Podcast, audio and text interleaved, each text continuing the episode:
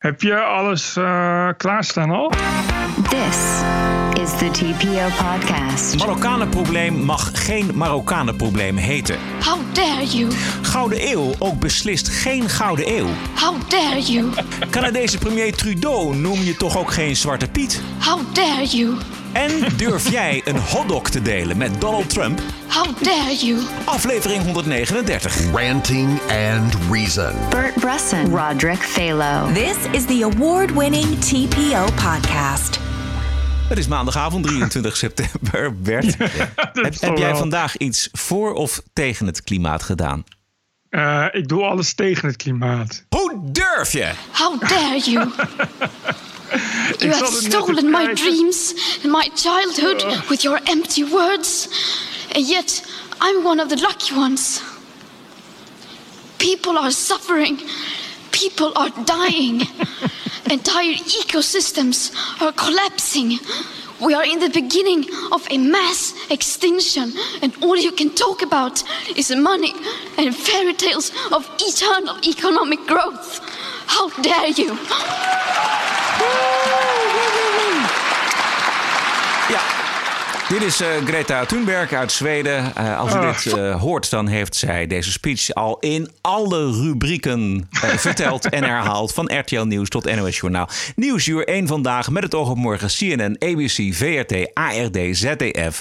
En ze krijgt overal applaus. Want zij is een kind en de glimlach van een kind doet beseffen dat je leeft. Maar bij Greta denk je, hoe lang leven we eigenlijk nog? Eh, ik, ik, eh, ja, ik, ik, ik- alle zeehonden zijn inderdaad netjes aan het klappen.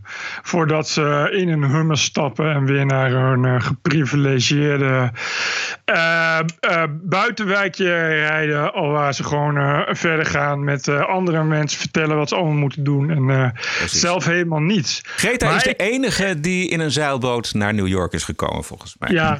En een eh, crew heeft moeten invloegen, invliegen, waardoor er nog meer CO2 uitgestoten werd dan, eh, dan, eh, dan dat het oplevert. Ik, ik, ja, ik zag het net en ik, ik dacht van ja, wat, dit is over, over, eh, over een paar honderd jaar gaan we hier ook nog heel erg op terugkijken.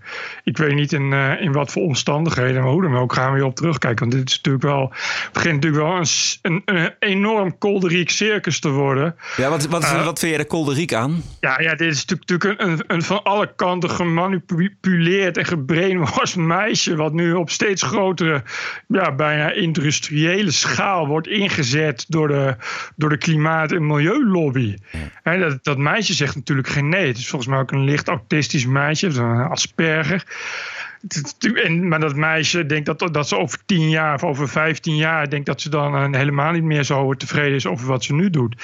En dan zie je jezelf de rest van je leven terug. Maar dat meisje dat wordt natuurlijk van alle kanten gemanipuleerd om maar die boodschap zo pathetisch en dramatisch mogelijk over te brengen. Nou, ik, ik, denk, ik denk dat het misschien... eh, voelt ze het ook allemaal echt? En eh, is het Ja, ervan vast. overtuigd? Dat zou, dat zou ook nog kunnen. Maar de... De, de, de, de, profetie die haar wordt toegedicht, eh, het, het messiaanse, het, het bijna Jezusachtig figuur wat ze krijgt aangemeten door, eh, door de rest, dat, dat vind ik huiveringwekkend. Nou ja, dat meisje is 16. Weet je, wacht dan tenminste eerst tot dat meisje meerderjarig is. Kijk, ik, ik vind het niet. Kijk, het is natuurlijk als, als kinderen op een zestiende willen gaan demonstreren voor een beter klimaat. Dan weet ik wat voor onzin. Moeten ze dat zeker doen. En volgens mij was dit meisje ook ooit begonnen door één dag in de week te gaan protesteren bij een of andere ambassade of een ministerie in Zweden.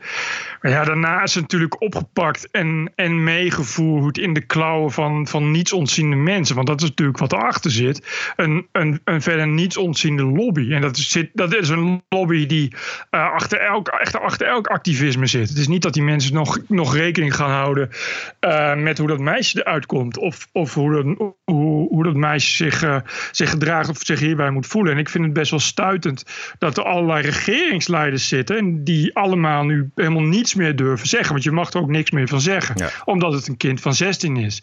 En dat vind ik dan weer stuitend. Ik vind dat je dan als regeringsleider ook verantwoordelijkheid moet nemen. En moet gaan zeggen, misschien kunnen jullie ophouden met in elk geval dit soort kinderen zo als soort kindsoldaten in te zetten. En dat onophoudelijk maar te doen en dat steeds verder op te kloppen. Want wat je zegt, is nu ineens een soort, ja, een soort messiaanse apocalyptische boodschap die ze komt brengen. Wat natuurlijk, wat natuurlijk ja, dat is buiten, buiten alle proporties en heeft helemaal niets met ook maar het begin van een oplossing te maken. Het is gewoon theater eh, en toneel. En dat moet je volgens mij gewoon weghouden van, van mensen die daar eh, eh, dan serieus mee bezig moeten gaan. Ja, dat, dat is de verstandige benadering, denk ik. Maar omdat het een kind is en omdat het een meisje is, omdat ze inmiddels een icoon is, is het wel een heel krachtig wapen eh, van de hele eh, klimaatlobby natuurlijk. Ik denk ook dat klimaatmensen niet snel afscheid zullen nemen van haar. Nee, die, ah, dat, dat zeg ik. Dat zijn, die zijn, er zitten natuurlijk eh, aan de top de mensen die, die daarmee bezig Ja. zijn. Ik begrijp ook dat er, eh, dat er een, er zat niet ook een bekende marketeer achter en, eh, achter. en überhaupt achter die familie. Nou ja, er zitten in elk geval al sowieso dubieuze haken en ogen aan. Maar kijk, de- er is een, een bepaald soort activisme over het klimaat. En dat zie je ook in dat, in dat wat is dat, dat Gen X of, of nee, Extinction X. Dat zijn mensen die heel ver gaan. En dat zijn mensen die in principe maar één ding willen. En dat is eh, het, het einde van, van elke democratie en het einde van, van elk gezag. Dat is, dat is eh, eh, in principe gewoon weer anarchisme en, en marxisme of communisme in een nieuw sausje. Maar dat zijn verder dezelfde mensen. En die mensen is alles aan gelegen om, om in elk geval dit, dit kind en ook de vele miljoenen andere kinderen die daarmee bereikt worden, het zo te manipuleren. Maar met een oplossing heeft het niet zoveel te maken. Want je kan, je kan nog met, z'n- met zo'n 100 miljoen kinderen elke donderdag ergens gaan demonstreren. Maar dat betekent niet eh, dat het probleem opgelost is. Verre van. En zelfs als je alle maatregelen die dit soort mensen voorstellen te harte neemt. eh, en morgen iedereen terugkeert naar de steentijd. Ja, dan nog zal het eh, voorlopig warmer worden. En het is een soort activisme. wat zo breed mogelijk wordt ingezet. en waar ze dan straks zeg maar zoveel mogelijk vruchten van willen plukken. En onder andere, en dat zie je ook steeds meer gebeuren. Hè, zie je ineens bij dat soort, dat soort demonstrerende kinderen. die hebben het niet ineens alleen maar over het klimaat. Maar ook ineens over gelijkheid voor iedereen. Dan een ander probleem. Het Marokkanenprobleem, voor zover dat als zodanig benoemd wordt. Want tussen het doodslaan van een 71-jarige Hagenaar eh, door een aantal hangjongeren en de moord op een advocaat door. Was er alle ruimte voor de QS 10 voor taal. Taaldiscussie over de termen Marokkanenprobleem en mokromafia. Er is een mokromafia-probleem in Nederland. Ja, dat is er. Maar er is geen Marokkanen-probleem in Nederland. Want het overgrote deel van de Marokkaanse gemeenschap in deze samenleving levert zijn bijdrage zoals iedereen in dit land het doet. Maar ik loop niet weg voor het feit dat helaas in de verkeerde statistieken, in de verkeerde lijstjes, Marokkanen ook weer te vaak voorkomen, bijvoorbeeld via die mokromafia. Maar iedereen in het land die nu dit debat volgt en een positieve bijdrage aan het land levert, eh, die heeft zich eh, gesteund te weten door deze hele Tweede Kamer en door deze regering. Dat zij net zoveel recht hebben op hun bijdrage aan het land als iedereen. Ja, dat is de minister-president. Te veel Marokkanen in verkeerde lijstjes, maar er is geen Marokkanenprobleem, zegt hij. Althans, eh, het is niet handig als je het als zodanig benoemt. Er zijn burgers en volksvertegenwoordigers die daar al enige jaren anders over denken. Wij hebben als PVV en ook ik nooit gezegd dat er, dat er geen Marokkanen zijn die deugen. Dat is totale onzin. Dat hebben we nooit gesuggereerd. Er zijn heel veel Marokkanen die deugen. Maar zegt u niet dat er geen Marokkanenprobleem is. Dit, er is een Marokkaans gif. Een Marokkaans gif in de Nederlandse samenleving. Niet allemaal, maar wel heel veel. De meerderheid van de Syriëgangers, 80% volgens de NCTV, waren Marokkanen. Iedereen op straat heeft iedere dag last van de Marokkanen. En deze maffia in Amsterdam komen niet uit Noorwegen, maar komen uit Marokko. dus ontken niet dat wij een Marokkanenprobleem hebben. Volgens Rutte is er dus geen Marokkanenprobleem, maar wel een mokro-maffia. Eh, toch wordt de premier eh, die term niet in dank afgenomen. Onder meer door Paul Reumer van Talpa op Radio 1. Ik vind het een lelijk woord. Het, het, is, het, heeft iets, het, heeft iets, het is stigmatiserend in zichzelf. Eh, en, en, dat, eh, en dat zijn dingen waar ik niet zo van hou. Maar op een gegeven ogenblik is het inderdaad een eigen naam geworden. En het, het staat voor iets. En dan krijg je het ook eigenlijk niet meer weg. Maar ik las ook een reactie eh, van iemand die zei... ja, laten we nou realistisch zijn, er zitten weinig kaaskoppen tussen. Wouter. Ja, maar, daar, maar daar begin je dus al. Dat is maar de vraag. Weet, dat weet ik niet. Weet jij dat? Dat weet ik niet. Nou, het, het, is gemiddelde, wel. zeg maar.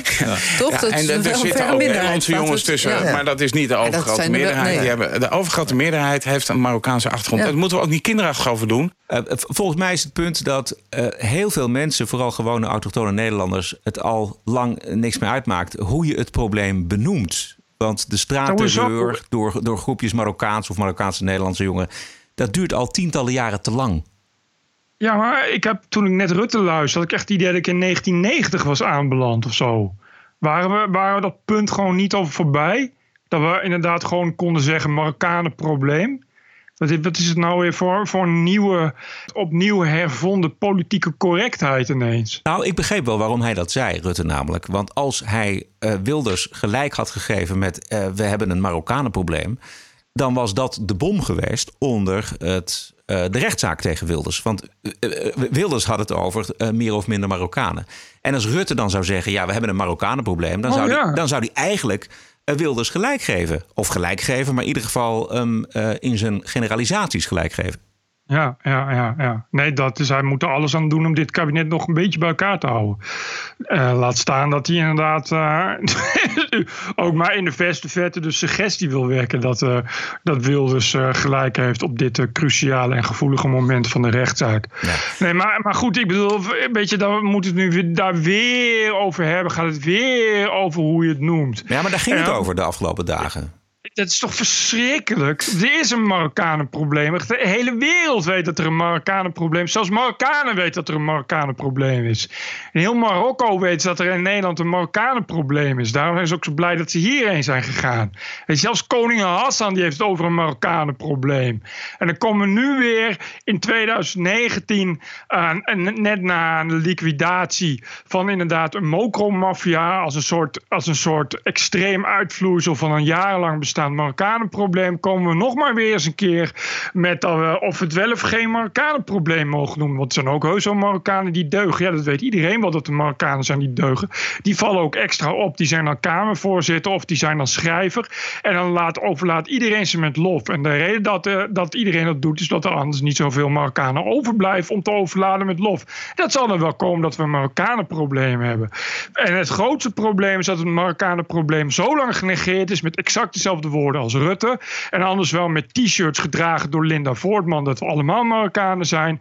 Dat er in al die tijd, dat al die Marokkaanse jochies in Amsterdam, in de Diamantbuurt en in Amsterdam-West. Dat die opgroeiden van kleine crimineeltjes naar snoeiharde, niets ontziende criminelen. Dat die allemaal geen strobreed in de weg is gelegd. Want dat mag niet, want dat is stigmatiserend en discriminerend. Want we hebben geen Marokkanenprobleem in Nederland. Ja.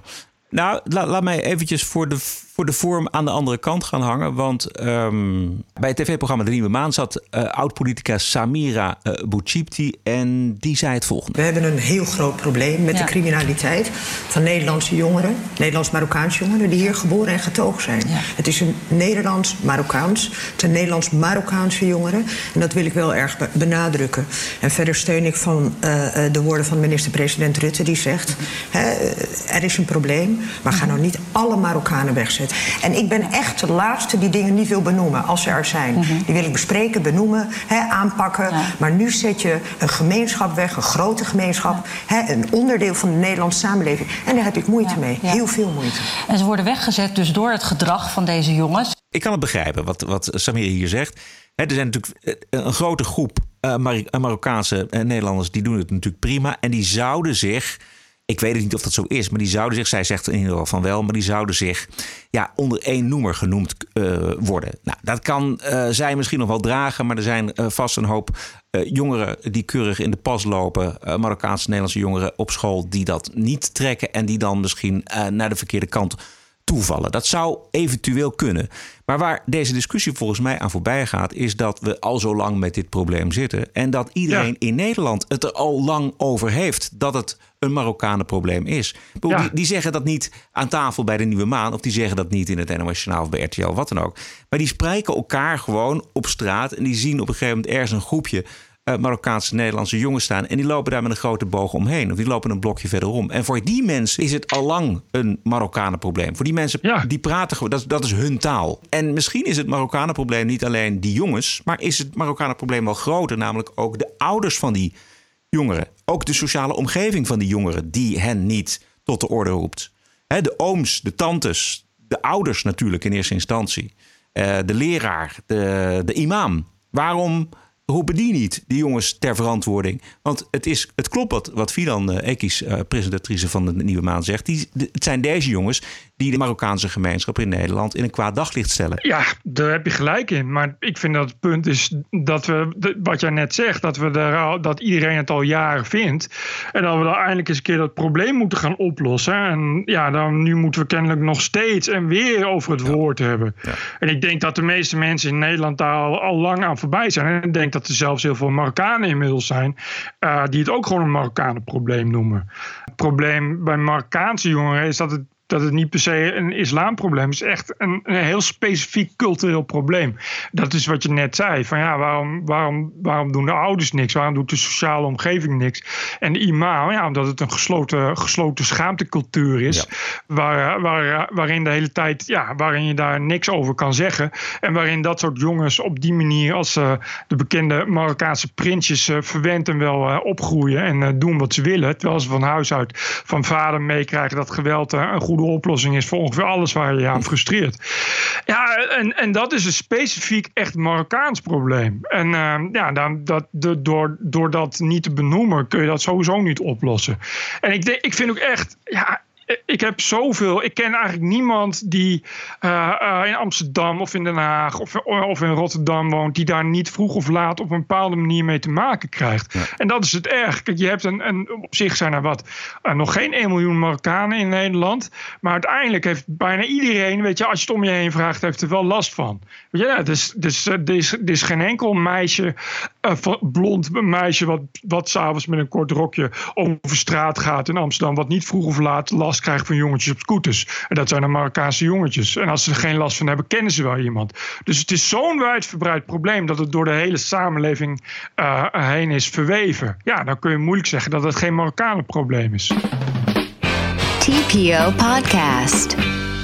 De Zwarte Piet-affaire in Canada, de heiligste onder de deugers in onze wereld. Juist. Dat is de Canadese premier Trudeau. Die had de week van zijn leven, kun je wel zeggen. Time Magazine vond namelijk in een oude schoenendoos twee foto's van een duidelijk zwart geschminkte jongen. En nou wilde het vervelende toeval dat achter die zwarte schmink de, het witte gezichtje van Justin Trudeau bleek te zitten. Foto's van 18 jaar geleden waarop Trudeau als student onder meer te zien is als Aladdin. Nou, de hele afdeling damage control van uh, de Canadese regering uh, in crisisstand natuurlijk. Want Trudeau is de allergrootste voorvechter van gelijkheid en diversiteit. Ja. En antidiscriminatie en anti-zwarte Piet die Canada en de wereld ooit gezien heeft. De foto's zijn een existentiële bedreiging voor zijn geloofwaardigheid en imago. Dus eerst een verklaring. In 2001, uh, when I was a teacher out in Vancouver. I attended an end of year gala where the theme was Arabian Nights. And I uh, dressed up in an Aladdin costume and put makeup on. I shouldn't have done that. I should have known better, but I didn't. And I'm really sorry. Oké, okay, dus, dus en, hij was niet alleen student, maar hij was zelfs al leraar. Nou, een dag later, op donderdag, volgde er op straat een persconferentie. En ik heb een lang stuk, Bert, dus uh, onderbreken wanneer je iets uh, hoort ja. waar je iets over wil zeggen. Surrealistisch toneel dat begint met de vraag van een verslaggever of Trudeau zijn jeugdzonde ooit aan iemand van zijn partij heeft opgebiecht. I, I never talked about this. Uh, quite frankly, I was embarrassed. Uh, it was not something that represents uh, the, the, person I've become, the leader I try to be, uh, and it was really embarrassing. Good afternoon, Mr. Trudeau. Teresa Wright from the Canadian Press. You said just a few minutes ago that you told us last night on the plane that you were that of all of the different instances that you recalled, have you since been made aware or remembered of other instances, and if so, how many? I, I think um, it is obvious that, that this is something that uh, was deeply regrettable. I am wary yeah. of of uh, being definitive about this because the uh, recent pictures that came out I had not remembered. Uh, and I think the question is, uh, how can you not remember that? Yeah. the fact is, I, I, uh, yeah, I didn't understand how hurtful this is to people who live with discrimination every single day. Er komt nog veel meer, maar uh, hij, hij, dit is zo'n fantastisch gezicht.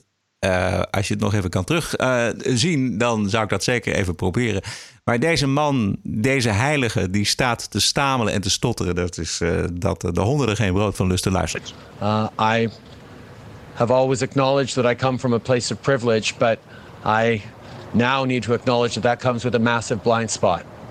I have dedicated my leadership and my service to Canada to try and counter intolerance and racism everywhere I can. Uh, but this has been a uh, personally um, a, moment where I've had to reflect on the fact that um, wanting to do good and wanting to do better simply isn't good enough, and you need to take responsibility uh, for mistakes that hurt people who thought I was an ally, who hopefully many of them still consider me an ally, even though this uh, was a terrible mistake. I just would like you to answer a very basic question. You've done this all, obviously more than more than two times. Why? I think when we recognize, when we reflect on uh, mistakes we made in the past, that's a question that we're always going to be asking. Why did we do that? Why did we think it was okay? Why did we think it was a good idea at the time? It wasn't a good idea. It was a terrible idea.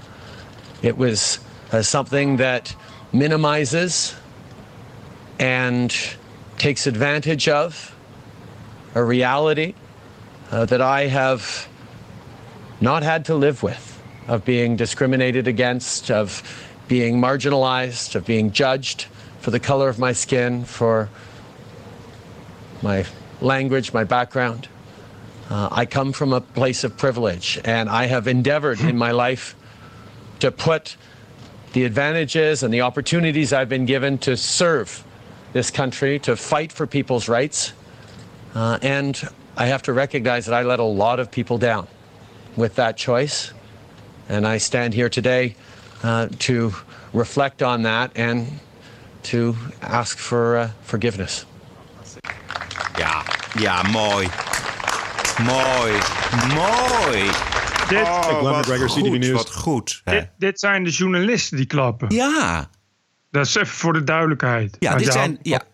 maar dat hoor je dus nu niet. Je denkt nu misschien dit zijn omstanders. Maar dit zijn dus objectieve, kritische journalisten die staan te klappen. Ja, die staan eerst te hengelen naar eh, vergeving en excuses. En dan komen ze er en dan ja, krijgt hij toch het applaus wat hij verdiend werd. Dat verdient hij. Onvoorstelbaar. Onvoorstelbaar. Ik, dus, ik kan daar echt... Dat is toch raar dat je gaat staan klappen voor de, voor de premier als journalist. En helemaal in dit aspect, die stelt gewoon vragen. Want ze stellen inderdaad wel degelijk kritische vragen. Of, of ze hengelen in elk geval. En het zijn in elk geval vragen die beantwoord moeten worden eh, eh, in, in zijn functie. En dan vertelt het, ga daar als sta- stel zeehonden, ga daar, ga daar, staan ze ook nog hun tranen weg te pinken. Of, of, of, of, schrijven ze de volgende dag hoe hartverwarmend de speech van, van Trudeau tegenover de, tegenover de verslaggevers was. Of hoe moet ik dit zien? Nou, ik denk dat het de opluchting is. Want eh, Trudeau is voor de Canadese pers eh, net zo heilig als eh, Barack Obama dat was voor de Amerikaanse pers. Eh, dus het- als hij zegt, ik, ik ga mijn eh, excuus aanbieden en ik ga die buigen. Ik heb hier heel, heel veel spijt van. Ja, dan, dan, dan is alles eh, op orde. Dan kan er over het hart worden gestreken. Ja, dan gaat toch niet staan klappen? Ja? Ja? Het is toch geen, geen, geen, zaterdagavond spelshow waar je op de tribune zit, of wel? Je bent, je bent toch gewoon bezig met je kritische journalistieke werk. Dan creëer je toch een beetje, een beetje professionele afstand. Ja, dat zou je denken. Nog één vraag. Mr. Trudeau, there's a bit of confusion about the timeline of all of this. And I'm just wondering when you first told your campaign staff that there are these images of you out there that could be embarrassing if they were to come out in an election campaign. Did you know about this in 2015? Did you know about this um, before then? Did you when did when did you tell those people that? As as I said, I I uh, was embarrassed, particularly given the person that I've become and the leader I try to be. That ja, geen- fights geen for people's rights and defends precies. uh, people against intolerance and racism. And I didn't want to talk about it with anyone because I'm not that person anymore. I'm someone who understands the deep hurt caused by actions like that to people who live with discrimination every single day. Leugenaar. I know.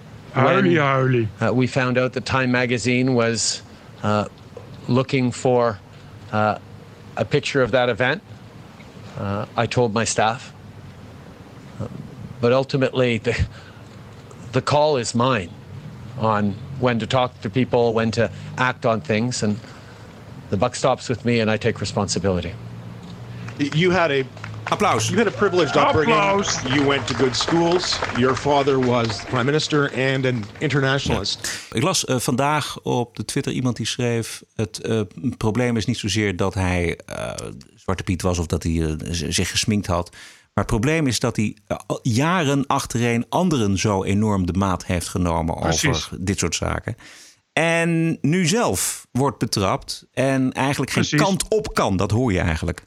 Nee, want kijk, dat is ook, dat is ook het, het, het, het verschrikkelijke hieraan. Dat je eigenlijk zou willen zeggen: ach ja, wat maakt zo'n foto nou uit? Weet je wel? Aladdin. Aladdin weer op een feestje. We- we- we- we- Welke student heeft dat niet gedaan? Zeker twintig jaar geleden deed iedereen dat.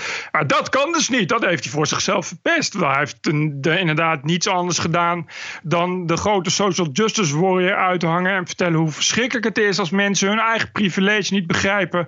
En, eh, en eh, cultural, cultural doen. En zich zomaar blackface sminken. En dat je dan niet eh, als excuses kan zeggen van... nou ja, ik was maar een student en het was maar een feestje. Want eh, dat had je dan eh, ook moeten weten. Et cetera, et cetera. Dus ja, dit is toch echt een eigen probleem wat hij hier gecreëerd heeft. En dat is inderdaad het, het treurige. Want, dat- want dat vind ik echt. Als je die foto ziet, denk je ook van... nou, goh, nou, moet daar de ophef over zijn? Maar goed, wij zijn natuurlijk in Nederland Zwarte Piet ook gewend. Dat scheelt natuurlijk ook. Dus de bedoel, in, in Canada en Amerika heeft het wel een iets andere lading. Maar dan nog, weet je wel, ja, wie, wie, wie, wie heeft zich, eh, denk ik, eh, ik denk dat er in de jaren 60 en 50 eh, en 70 geen enkel kind is geweest wat zich niet eens een keer zwart heeft gesminkt. Omdat dat nou, ja, dat deed je toen in die tijd nou eenmaal. En het, is ook een verkleed feestje. Ik bedoel, het is ook als Aladdin. Dat moet je anders als Ala- Aladdin. Hij, hij had wel een mooi kostuum aan overigens. Maar ja, je kunt moeilijk uit een, uit een toverlamp tevoorschijn springen. Dus ja, dan, dan, dan, dan verf je je huid maar donker. Eh, ja, en er is nog, er was geloof ik nog een filmpje hè, waarop hij ook een blackface heeft. En het is een andere, een andere instantie. En dan ziet hij er inderdaad nog veel meer blackface eruit. Echt als een soort zwarte minstreel. Echt bijna als een soort, eh, bijna inderdaad als een, als een racistisch onderdeel. Maar ja, weg, who cares? Weet je, dat, dat doen mensen, zou je willen zeggen. Maar ja, daar is de tijd niet meer voor. Want dat hebben mensen als Justin Trudeau eh, voor goed verpest. Precies. Dus hij zal dat nu toch echt, eh, eh, eh, toch echt op zijn eigen blaren moeten gaan zitten. Maar ja, tegelijkertijd denk ik ook, en dat zie je nu wel aankomen, dat hij natuurlijk wel meteen vergeving krijgt. En dan moet je, maar dat had eh, als iemand van de rechtse oppositie met zo'n foto eh, in beeld komt, dan moet je dan eens kijken hoe de journalisten gaan staan klappen en hoeveel vergiffenis er mogelijk is. Weet je, dus zo werkt het dan ook wel weer. Ja, ja, ja daar heb je gelijk in. Eh, ik zat te denken, het, het is wel handig dat als je bijvoorbeeld nog als Zwarte Piet wil eh, optreden, eh, de aankomende Sint- Sinterklaas, dan kun je dat met een gerust hart doen. Want dan zeg je gewoon dat je eh, Trudeau nadoet. Je bent je, suis, je suis Trudeau. Dat is wel grappig. Dan ga je gewoon met een, met een enorme blackface. En dat mensen vragen: Is dat niet racistisch? Nee, ik ben verkleed als Justin Trudeau. Precies. Ja, dat is gewoon met Halloween. Ik denk dat het Justin Trudeau-kostuum heel groot gaat worden met Halloween. Nou ja, van Canada is maar een heel klein stapje naar Amerika. This is CNN breaking news. Donald Trump is not going to be president of the United States. Welcome to Morning Joe. Mr. President, if there is no collusion. The government shutdown is now in week four. Today was not just like a normal stormy day in the news. This is not just my opinion. TPO Podcast. This is evidence. Straks de bonusquote van talkshow-host Michael Savage. Hij mocht mee met Air Force One. En je hoort straks één anekdote uit Air Force One. According to Talkers Magazine, uh, I have about seven and a half million listeners uh, a week to this show. It's not the number one radio show anymore, nor even number three, because I went from a three hour show to a one hour show. Now I'm back to a two hour show. Things have changed. And for political reasons, I've been taken off some big stations, but my streaming numbers are enormous. But nevertheless, the show is still a monster show. Don't underestimate it. And if it wasn't a monster show, I wouldn't have been on Air Force One yesterday. Let's put it to you that way. Ja, dat dus straks. Eh, het meest spectaculaire afgelopen week was, vond ik, het optreden van de zwarte opiniemaker Candace Owens voor eh, de White Supremacy Commissie van het Amerikaanse congres. Owens werd eh, in eerste instantie aangevallen door een roomblanke dame die ook was opgeroepen voor de hoorzitting. I just have to say that I object strenuously to your use of the word hilarious. Um, to me, this feels a lot like your reaction to being named in one of these manifestos. Now, you're of course not responsible for the words of somebody writing that document, but I do think that laughing at it is a real problem because these are real families that are impacted by this violence. And I think our efforts towards talking about this have to start from a place of mutual respect. Waar gaat het over? Er is een commissie, een congrescommissie, en die gaat over het gevaar van white supremacy voor de zwarte gemeenschap en voor de Mhm. Amerikaanse maatschappij als geheel. En wat er dan gebeurt is dat de Democraten en de Republikeinen eh, getuigen oproepen die daar iets over te zeggen hebben. Nou, eh, Democraten die hebben dus eh, deze dame die je net gehoord hebt eh, opgeroepen en die Candace Owens beschuldigd dat zij gelachen zou hebben of dat zij een, een relativerende opmerking zou hebben geplaatst over de shooting in de moskee in Nieuw-Zeeland. Hier komt het antwoord van Candace Owens. You know that white supremacy and white nationalism is nowhere near, ranks nowhere near the top of the issues that are facing black America. And the reason that you are bringing them up in this room is because it is attempt to make the election all about race as the Democrats. Not in my case, Ms. Please don't Owens. cut I'm me sorry. off. Don't- Please do not characterize my motive. Mr. Chairman, it's my time. Yeah, you, It's you've, my got, time. you've got your time, Mr. Meadows. I'll give you Every three more seconds. Every four years, you bring up race, and you knew exactly what I meant when I said hilarious, and you just tried to do live what the media does all the time to Republicans, to our president, and to conservatives, which you tried to manipulate what I said to fit your narrative, okay? I was not referring to the subject matter that is hilarious. I said it's hilarious that we are sitting in this room today, and I've got two doctors and a missus, and nobody can give us real numbers that we can respond to so we can assess how big of a threat this is. Because you know that it is not as big of a threat as you are trying to make it out to be so that you can manipulate. And the audacity of you to bring up the Christchurch shooting manifesto and make it seem as if I laughed at people that were slaughtered by a homicidal maniac, maniac is, in my opinion, absolutely despicable. And I think that we should be above that. To try to assign reality or any meaning to a homicide, homicidal maniac writing a manifesto, which, by the way, let the record show, also stated Spyro the Dragon, the child's cartoon, as a source of inspiration. He also cited Nelson Mandela as a source of information. I don't think I don't think that Nelson Mandela has inspired mosque shootings. You can correct me if you think I'm wrong. You are, you would rather assign meaning to a homicidal maniac than to actually address that I said to, the things that I said today that are actually harming black America. Number one, father absence. Number two, the education system and the illiteracy rate. Illegal immigration ranks high, abortion ranks high, white supremacy and white nationalism, if I had to make a list again of 100 things, would not be on it. This hearing, in my opinion, is a farce. And it is ironic that you're sitting here and you're having three Caucasian people testify and tell you what their expertise are. Do I know what my expertise are? Black in America. I've been black in America my whole life, all 30 years, and I can tell you that you guys have done the exact same thing every four years ahead of an election cycle, and it needs to stop. Candace Owens, on fire.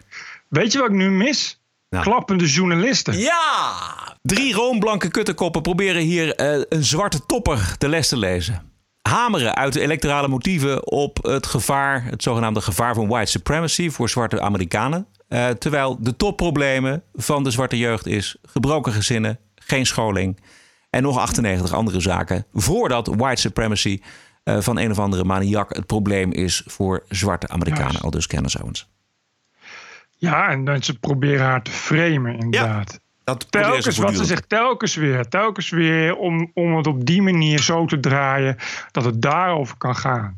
Weet je wat, terwijl, ja, ze- zij, zij benoemt gewoon goede punten. Ja, zo gaat het op de Twitter, zo gaat het eh, op de. Dit is de, de methode van de social justice warriors. Weet je, het is het, iemand framen, iemand in de verkeerde hoek zetten. Dat is bij haar al veel vaker gebeurd. Ze, zou ook ze zou ook een keer eh, Hitler hebben verheerlijkt. Absolute kolder. En zo wordt zij geframed. Ja, het is wat we elke keer weer horen. Ja. Zo, gaat het, zo gaat het elke keer. Ik vind het wel heel goed en dapper dat zij dit, eh, dat zij dit zo goed blijft volhouden. Ze is ook wel heel goed hierin. Wat een powerhouse is dat. Ja, toch? Je zou eigenlijk willen dat we in Nederland ook zo iemand. Een soort Sylvana Simons, maar dan van, het, van de woke kant. Van de, van de, van de Dan- red pill. dan goeie- de, de goede kant op. red pill Sylvana. Ja, dat zou, dat zou mooi zijn. Dat, zou echt, eh, dat, zou echt, dat zou echt leuk zijn. En goed Maar voor het is- debat. En goed voor de gezondheid van, van de Nederlandse mind. Van de psyche Ja. van de Nederlandse bevolking. Maar ik denk dat dat in Nederland gaat dat niet lukken. Dit is natuurlijk wel heel erg Amerikaans. Natuurlijk, kijk, in Nederland is, is wat Sylvana Simons doet, is natuurlijk gewoon vrij recent ingevoerd uit Amerika om, om, om de mensen die Sylvana Simons heten en Sylvana Simons gelijken uh, ook iets te kunnen geven. Maar we hebben natuurlijk een heel ander verleden met, met uh, rassensegregatie en discriminatie en vooral met, met iets als white supremacy, wat hier een beetje non-existent is. Nou ja, alleen in het hoofd van Sylvana Simons dan. Dus de, je, hebt daar, je krijgt ook niet zo snel uh, iemand die, uh, die uh, zo'n powerhouse zijn als Kenneth Owens. Die inderdaad natuurlijk haar hele leven ook zwart is en in Amerika heeft gewoond. Dus ook echt wel degelijk weet waar ze over praat. Ja. Een nieuwe naam voor mij was Tom Steyer.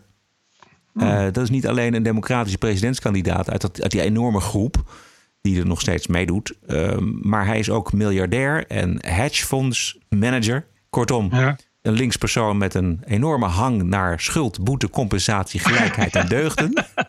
een graai socialist. Ja. En hij is van de club, hou je vast, niet to impeach. They were from that depression era, World War II generation where people thought you give as much to America as you get from America. And when I started need to impeach, I was thinking about my father and the Nazis because when you see something wrong in oh. America, you fight it. you don't ask what's politically tactical, what's good for you. You fight it every day before it gets too strong. Dus dat is ook nog iemand met een vadercomplex. Want zoals zijn vader tegen de nazi's in Europa vocht, zo wil deze Tom Steyer vechten tegen Donald Trump. Jongen, jongen, is dat echt. Uh, dat die, dan heb je zoveel geld en dan kom je met dit. Ja. Dit, is wel, dit is wel ook een beetje laat trouwens. Ja. Dat had hij moeten doen voor, uh, voor Mueller en uh, voor Russian collusion. Natuurlijk. Ja, nee, maar het speelt nu op, opnieuw, want er is een één whistleblower. En die één whistleblower die zou hebben gezegd dat Trump de Oekraïense autoriteiten heeft opgeroepen in een telefoontje om de zoon van Biden achterna te zitten. Omdat de zoon van Biden allerlei zakelijke belangen heeft in de Oekraïne. En dat speelt nu hoog op in de Amerikaanse media. CNN berichten ja. de hele dag over. Dus, ja, dat, dat, zal dan wel, ja. Ja, dus dat zorgt voor de, bij deze Tom Steyer heeft het dan weer gezorgd voor opnieuw het vuur om te beginnen met uh, de afzettingsprocedure. Ik denk niet dat Sto Tom Steyer heel lang uh, in de presidentskandidatenrace blijft. Op nee. deze manier. Nee. dat nee. Gaat, hem, uh, nee. gaat, hem, niet worden. Nee. Hij moet het in ieder geval afleggen tegen um, Joe Biden. Want Joe Biden is natuurlijk de kandidaat met de meeste kansen. En ja. Joe, Joe is echt goed bezig met de inhoudelijke kant van de politiek. Dit zei hij over de gevangenissen. In prison, the determination should be that your sexual identity is defined by what you say it is, not what in fact the prison says it is. And in that case, you should be entitled also to OGBYN. Anyway, uh, you didn't ask that question, but you're not likely to either, I guess. Ja. Wauw. Ja, dit is geweldig. Dit, ja, dit is wel uh, even inhoud. Ja, dit, dit is, is groot. Echt, uh, staaltje Trump wegblazen van heb ik jou daar. Hier zullen de Trump-stemmers wel echt van omvallen. Ja. Als ze dit horen. Die gaan massaal, massaal jou Biden stemmen. Hé, wat goed dat daar. Ik vind het goed dat daar ook eens aandacht voor is.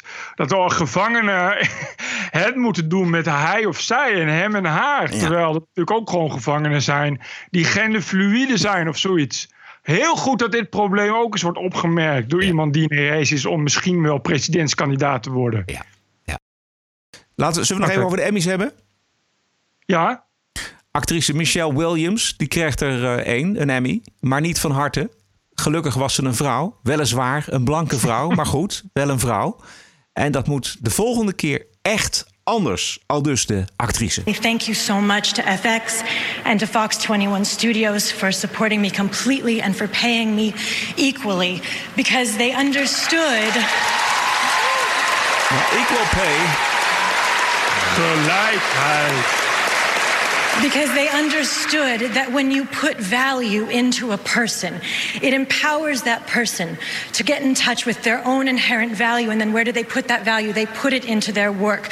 And so the next time a woman, and especially a woman of color, because she stands to make 52 cents on the dollar compared to her white male counterpart, tells you what she needs in order to do her job, listen to her, believe her, because one day she might stand in front of you and say, Thank you for allowing her to succeed because of her workplace environment and not in spite of it. Thanks, Joe. Ja, nou, dit is dus de Emmys tegenwoordig. Dit zijn de Emmys. Valt, dit is een prachtfragment. Die hoeft, en dat geldt eigenlijk zo'n beetje in alle categorieën. Krijg je dit soort gezemel en gezeven. Ja. En ik, zou- ik vind nou heel wat dat er alsnog een blanke vrouw heeft gewonnen. Dat dat nog mag tegenwoordig bij de Emmys.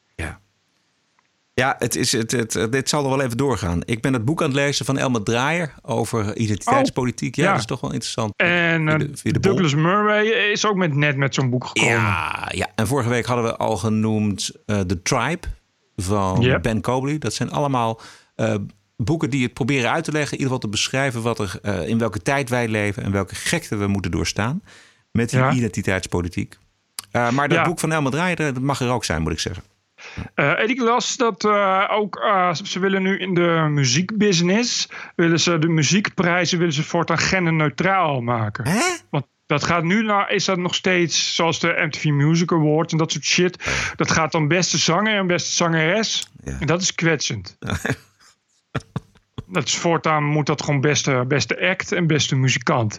Want er zijn muzikanten die zijn, eh, die zijn eh, weet ik veel, niet, hoe, ik weet al die shit niet hoe ze dat noemen. Dat noemen ze niet, niet, niet binair of zoiets. Genderfluide. En die mag je alleen aanspreken met hen en, en zully of zoiets. En ja. Eh, ja, dat dacht ik dus ook toen ik dat las. En die vinden het gewoon heel kwetsend dat er eh, categorieën als man en vrouw zijn, want die passen niet in de categorie. Dus nu willen ze graag. Is er een brede beweging die, die de mannen- en vrouwenprijzen gaan afschaffen bij de muziekprijzen in de toekomst. Ik heb alleen nog de bonuscode. Bert, heb ik nog iets vergeten? Hmm. Nou, Chris Alberts en eh Thierry Baudet. Oh ja. Kunnen we nog heel even. Ja, laten we dat doen.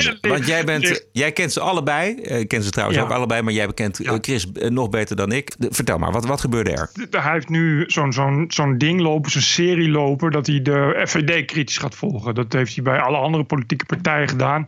Dus doet hij dat nu bij de FVD. En dus daar komt natuurlijk ook altijd kritiek op, want je mag niet zomaar kritisch over de FVD schrijven. En zeker niet op TPO. Anyway, hij gaat dan ook naar echt elke bijeenkomst toe. Dus nu was er een ledenborrel, als ik het goed heb, een soort informele borrel in Rotterdam. En daar ging hij ook heen. En eh, ja, wat Thierry Baudet dan doet, die kan het toch niet laten om zijn ongenoegen eh, te laten blijken over hoe Chris Alberts over hem schrijft. En ook ken ik Thierry ook wel. En ik vind ook wel een beetje dat Thierry dat eh, echt niet zo giftig bedoelt als dat het wordt, nu wordt gesteld. Maar ja, als je daar eenmaal in die zaal staat, voelt dat toch anders aan. Dus had nu, had Thierry gezegd van, nou ja, Chris Alberts is er ook. En Chris Alberts probeert al tijden om FVD kapot te maken. En toen had hij ja, het spotlight op Chris Alberts gezet. En gezegd van, ja, Chris Alberts, eh, waarom laat je je rugzak op? En, en van welke secte ben je? En toen viel de hele zaal stil en zo. Dus nou ja, dat was allemaal niet zo netjes. Eh, omdat je nou eenmaal als politicus kun je ook zeggen... eh, mijn favoriete journalist is er, maar hij is natuurlijk van altijd van harte welkom. Dan gaan we weer verder. En nou ja, Chris Alberts voelde zich daar in elk geval door geïntimideerd. Dus die schreef dat op, dat hij zich daardoor geïntimideerd voelde. En wat er vervolgens gebeurde, was dat er, althans volgens Chris Alberts, ook andere eh, eh, leden in de zaal naar hem toe kwamen. Die zeiden van ja, dit, dit, dit is inderdaad niet netjes. Dit, heb ik, dit zou ik ook niet zo willen. En er was Sonny Spek. En dat is een FVD-lid en die heeft als reactie daarop openlijk zijn lidmaatschap opgezet. Omdat hij vond eh, ja, dat die actie tegen Chris Alberts gewoon niet door de beugel kon. En ja, Sonny Spek eh, lijkt een, in elk geval was een getalenteerde eh, kandidaat politicus. En was stond ook kandidaat op de statenlijst voor, voor, voor democratie. Dus nou ja, die twitterde ik zeg een lidmaatschap op FVD op. Want ik ben er klaar mee dat, dat een journalist als Chris Alberts op deze manier wordt geïntimideerd. Nou ja, dat halen natuurlijk de Telegraaf en het AD en Want ja, het, is, het is natuurlijk nieuws als een, als een al dan niet prominent FVD-lid eh, zijn lidmaatschap opzegt. Eh, ja, nou, Chris Alberts en Sonny Spek heeft daar vervolgens bij ons over gepubliceerd. En Chris Alberts heeft zijn verhaal gepubliceerd. En, en Chris Alberts doet dat altijd in twee stappen. Hij gaat dan naar die avond en tijdens die avond twittert hij eh, wat er gebeurt. Dus hij doet dan live verslag van die avond. Dus iedereen had al in die tweets gezien van wat er gebeurde. En toen noemde hij ook al van, nou, ik, ik voel me geïntimideerd door Thierry Baudet. En daarna schreef hij een artikel, ja, wat er niet om waarin hij zei, ja, op, op deze manier eh, gaat gaat FVD niet redden, omdat ja, als je al zo met de pers omgaat, dan kun je het wel vergeten.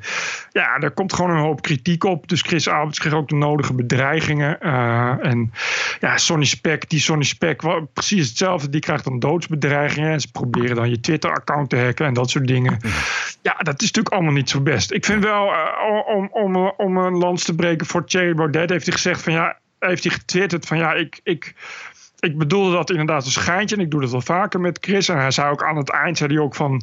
voortaan noemen we Chris Alberts onze embedded journalist. En daarvan zei Chris Alberts ook, dat was inderdaad ook wel weer geestig. En ja, ze hebben wel vaker dat ze dan in elk geval die... Uh, ja, animositeit, dat ze dat in elk geval uitspreken. We kennen elkaar al heel lang. Op Facebook zette jij vandaag een uh, bekende foto van hen tweeën. Ja. Uh, gebroedelijk naast elkaar. Uh, dat is van een paar jaar geleden. Maar, die ja, en toen gebeurde hetzelfde. Want toen was hij ook... ook ja, Chris kan er heel, in elk geval erg obsessief in zijn. Ja. en destijds deed hij dat in elk geval erg obsessief in, in het volgen van de FVD. Die, die toen nog niet... Of in elk geval toen nog in opkomst was. en daar is die foto van. En toen deed, zei Thierry Baudet ook wel eens inderdaad van... Ah, daar is mijn, mijn geliefde, mijn geliefde haatjournalist weer en dat soort dingen. Maar na afloop gingen ze toch weer een biertje drinken. Uh, ja, het is, ik weet het niet. Ik ben, ik ben er niet bij geweest. Dus ik kan natuurlijk niet zeggen waarom, dat, waarom dit zo ja, zo is geworden. Uh, maar kennelijk was het voldoende om voor zowel Chris Alberts als voor uh, die Sonny Spek uh, om zijn lidmaatschap op te zeggen. En voor Chris Alberts om daar, om daar een serieus punt van te ja. maken. Ja. Nou ja, dat serieus punt mag hij maken. En mij valt op de reacties die op social media komen. En dat zijn wel FVD-leden. Ja, dat ligt er niet om. Het is wel een beetje vermoeiend. Er zit wel heel veel. Nou ja, het zijn, het zijn allemaal agressieve mensen die uh, ook allemaal toevallig wel heel veel moeite hebben met normaal zinspellen. En normaal gewoon een keer een DFT-goed te gebruiken. En ja, dat is toch allemaal. Chrisje Alberts uh, moet opgeknoopt worden aan de hoogste boom. Chrisje Alberts, wie de kaats, uh, balkaats kan erom vragen. En het is aan TPO krijg je toch vooral verwensingen dat je linkse media bent. En het masker van de MSM TPO valt af. En hebben jullie Chris Alberts weggekocht bij GroenLinks. Inderdaad, mensen die, ja, ja, die proberen dan een abonnement op te zeggen. Maar goed, het abonnement loopt al een jaar, dus dat kunnen ze dan nog niet opzeggen. Uh, en mensen die, ja, die zijn allemaal geabonneerd op zo'n nieuwsbrief. En die nieuwsbrief die kun je uitschrijven. En dan krijg je zo'n ruimte waarin je uh, kunt schrijven waarom je uitschrijft. Nou, dan krijg je dus inderdaad met veel uitroeptekens en één. Chris Alberts is een vuile rat en een linkse rat en weet ik veel wat, weet je. Dus ja, het is, en ik, ben, ik begin er wel een beetje moe van te worden. Dus ik heb dat natuurlijk ook zelf opgestookt op Facebook door inderdaad de hele tijd daarover te berichten. Hè, en te schrijven dat ik wel een beetje klaar ben met dat soort FVD-taferelen. En dat je gewoon moet afblijven van journalisten. Want dat is natuurlijk gewoon de bottom line die je, uh, die je moet gebruiken. En niet tegenstaan of dat nou wel of niet waar is. Ik bedoel, ik ga alleen af op wat anderen zeggen in dit geval. En uh, ja, ik begin een beetje af en toe denk ik van, ja, ik noem het dom rechts. Uh, ik, ik begin een beetje moe te worden van mensen die alleen nog maar kunnen spreken in, in kapitalen en uitroeptekens en met spelfouten. En bij alles vinden dat je je bek moet houden. En dat zijn wel tegelijkertijd de mensen die de hele tijd roepen dat er te weinig vrijheid is in Nederland. En die zich fan noemen van de vrijheid.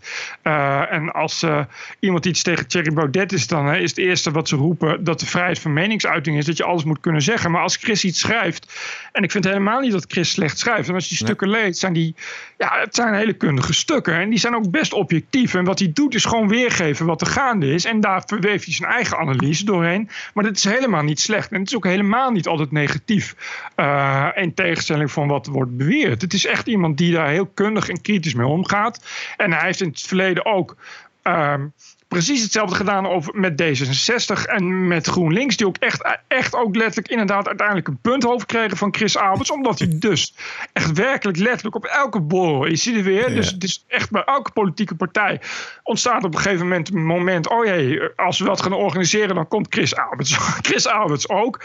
Maar het is echt niet een jongen die, die uh, eenkennig is. Hij, hij doet dit bij alle partijen zo. En ja. hij heeft ook helemaal niet. Het is helemaal niet iemand die je per se van linkse sympathie kunt beschuldigen. Hij heeft ook een uh, uh, boekje geschreven over achter de PVV. En dat gaat uiteindelijk toch over uh, dat die PVV-stemmers interviewt. En dat de conclusie is van nou, misschien moet de politie gewoon eens wat meer gaan luisteren naar PVV-stemmers. Want die hebben anders best nog wel interessante dingen te zeggen. Weet je, dus het is helemaal niet de bekende elitaire linkse mainstream journalistiek. Maar ja, wat, wat, wat het punt is, en dat is hier echt het echte punt is dat je gewoon, ja, je komt niet meer op tegen die agressie. Je mag, niet, meer je mag niet kritisch schrijven over, over FVD en Thierry Baudet. Want dan ben je een linkse klootzak en dan moet je worden uitgeroeid. Ja, nou goed, dat, dat bestrijd ik. En dat Ja. ga ik niet. En ik krijg nou al weken elke dag te horen dat TPO eh, eh, daarmee moet opbouwen. Chris Alberts moet ontslaan. En dat anders het businessmodel van eh, TPO echt eindig is. En weet ik veel wat voor gelul. En ik kan die mensen allemaal geruststellen dat het niet zo is. En dat ik daar ook niet ga doen. En dat ik gewoon mijn eigen koers vaar. En dat ik niet hoor bij een of ander rechtsblok of rechtse kerk. Waarin ik ineens bepaalde dingen niet moet gaan zeggen. eh, eh, of mensen niet moet gaan laten schrijven. Omdat, omdat we elkaar niet mogen afvallen. Dat vind ik allemaal totale onzin. En ik ben ook niet alleen maar rechts of alleen maar links. Juist. Heel goed, eh, Bert. Eh, deze mensen gedragen zich eh, zoals de social justice warriors zich gedragen aan de andere kant van het politieke spectrum. Dit is gewoon identiteitspolitiek. Juist. En, TPO Podcast.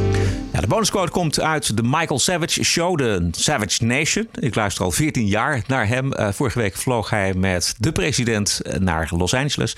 En in het vliegtuig in Air Force One deelt eh, deze kleine man een hotdog met de president. En we luisteren gewoon omdat het leuk is. So then I, I think I can tell you this two hot dogs are delivered for the president. Delicious on buns, and I'm starving at this point.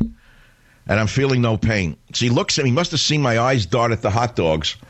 And he's very sensitive. He said, You want one? And it, it was his lunch. I said, Sure. So he takes one off his plate delicately on another plate. The valet brings a plate. And he says to me, Do you want mustard or ketchup? He said, No, you don't want that ketchup with sugar on it, do you? I don't know how he knows this, but I will tell you this. I found out that they know what I say on the radio, as you might expect. I want to show you how generous this man is. You say it's a big deal giving you a hot dog? Yes. Yes, it's a big deal sharing a plate of food with a stranger when you're the king of the world. When you think about it. so he got two hot dogs delivered, and he sees my eyes dart because I was hungry. Would you like one? Yes. The valet come over again and put one on the plate. Ketchup and mustard. No, you don't want the, the, the ketchup, mustard, blah, blah, blah. He dollops out the mustard for me from his plate. I'm showing you a certain humility and generosity that you may not be aware of. And you say it's in the little things that you can see a person's behavior. I doubt very much that Obama would have taken mustard from his plate and given it to anyone or shared a hot dog with anyone or whatever he eats, a tofu dog. If that's what he eats, it would explain why he looks so emaciated. but here's the interesting part. I'm from Queens, but I grew up on the other side of Union Turnpike from the president. He delicately cut his hot dog in pieces, which is very interesting to me, and ate them with a knife and fork. I ate it like I was at a baseball game because I never saw a hot dog eaten with a knife and fork. But the president cut his hot dog in a piece, then knife, fork, fork into mouth, eat. I never saw anyone cut a hot dog. Have you? Come on, Jim, in your life. Well, that's because he grew up on the other side of the tracks. But it's interesting how we wound up in the same place at the same time, sharing his lunch because he's a very generous man and a very down to earth man, by the way. Savage. Yeah. Wat een goede anekdote. Geweldig. En dat kan hij zo een goed vertellen. baasactie. Dat hij mee mag op eh, Air Ja. Force One ook. Ja. Ja. Ja. Als, als podcaster, zeg maar. Als radio, radio host. Ja. Tot zover deze aflevering nummer 139. Vindt u dit een leuk geluid? Eh, vindt u dit een belangrijk geluid? Steun ons dan met een donatie. Dat helpt ons en de podcast en natuurlijk u zelf ook. Waarderen en doneren kan op tpo.nl slash podcast. En wij zijn terug, Bert, dinsdag 1 oktober. Het is alweer oktober dan. Damn. Heb een mooie week en tot dinsdag. Oh, tot dinsdag. TPO Podcast. Bert Bruson, Roderick Balo, Ranting and Reason. Wij denken dan bij dekolonisatie vaak aan geschiedenisonderwijs of burgerschapsonderwijs. Maar ook in de wiskunde, in de exacte vakken, valt nog genoeg te dekoloniseren. Podcasting is the TPO podcast in the Netherlands. Bert and Roderick. What a show. I'm telling you. The show is heard around the world.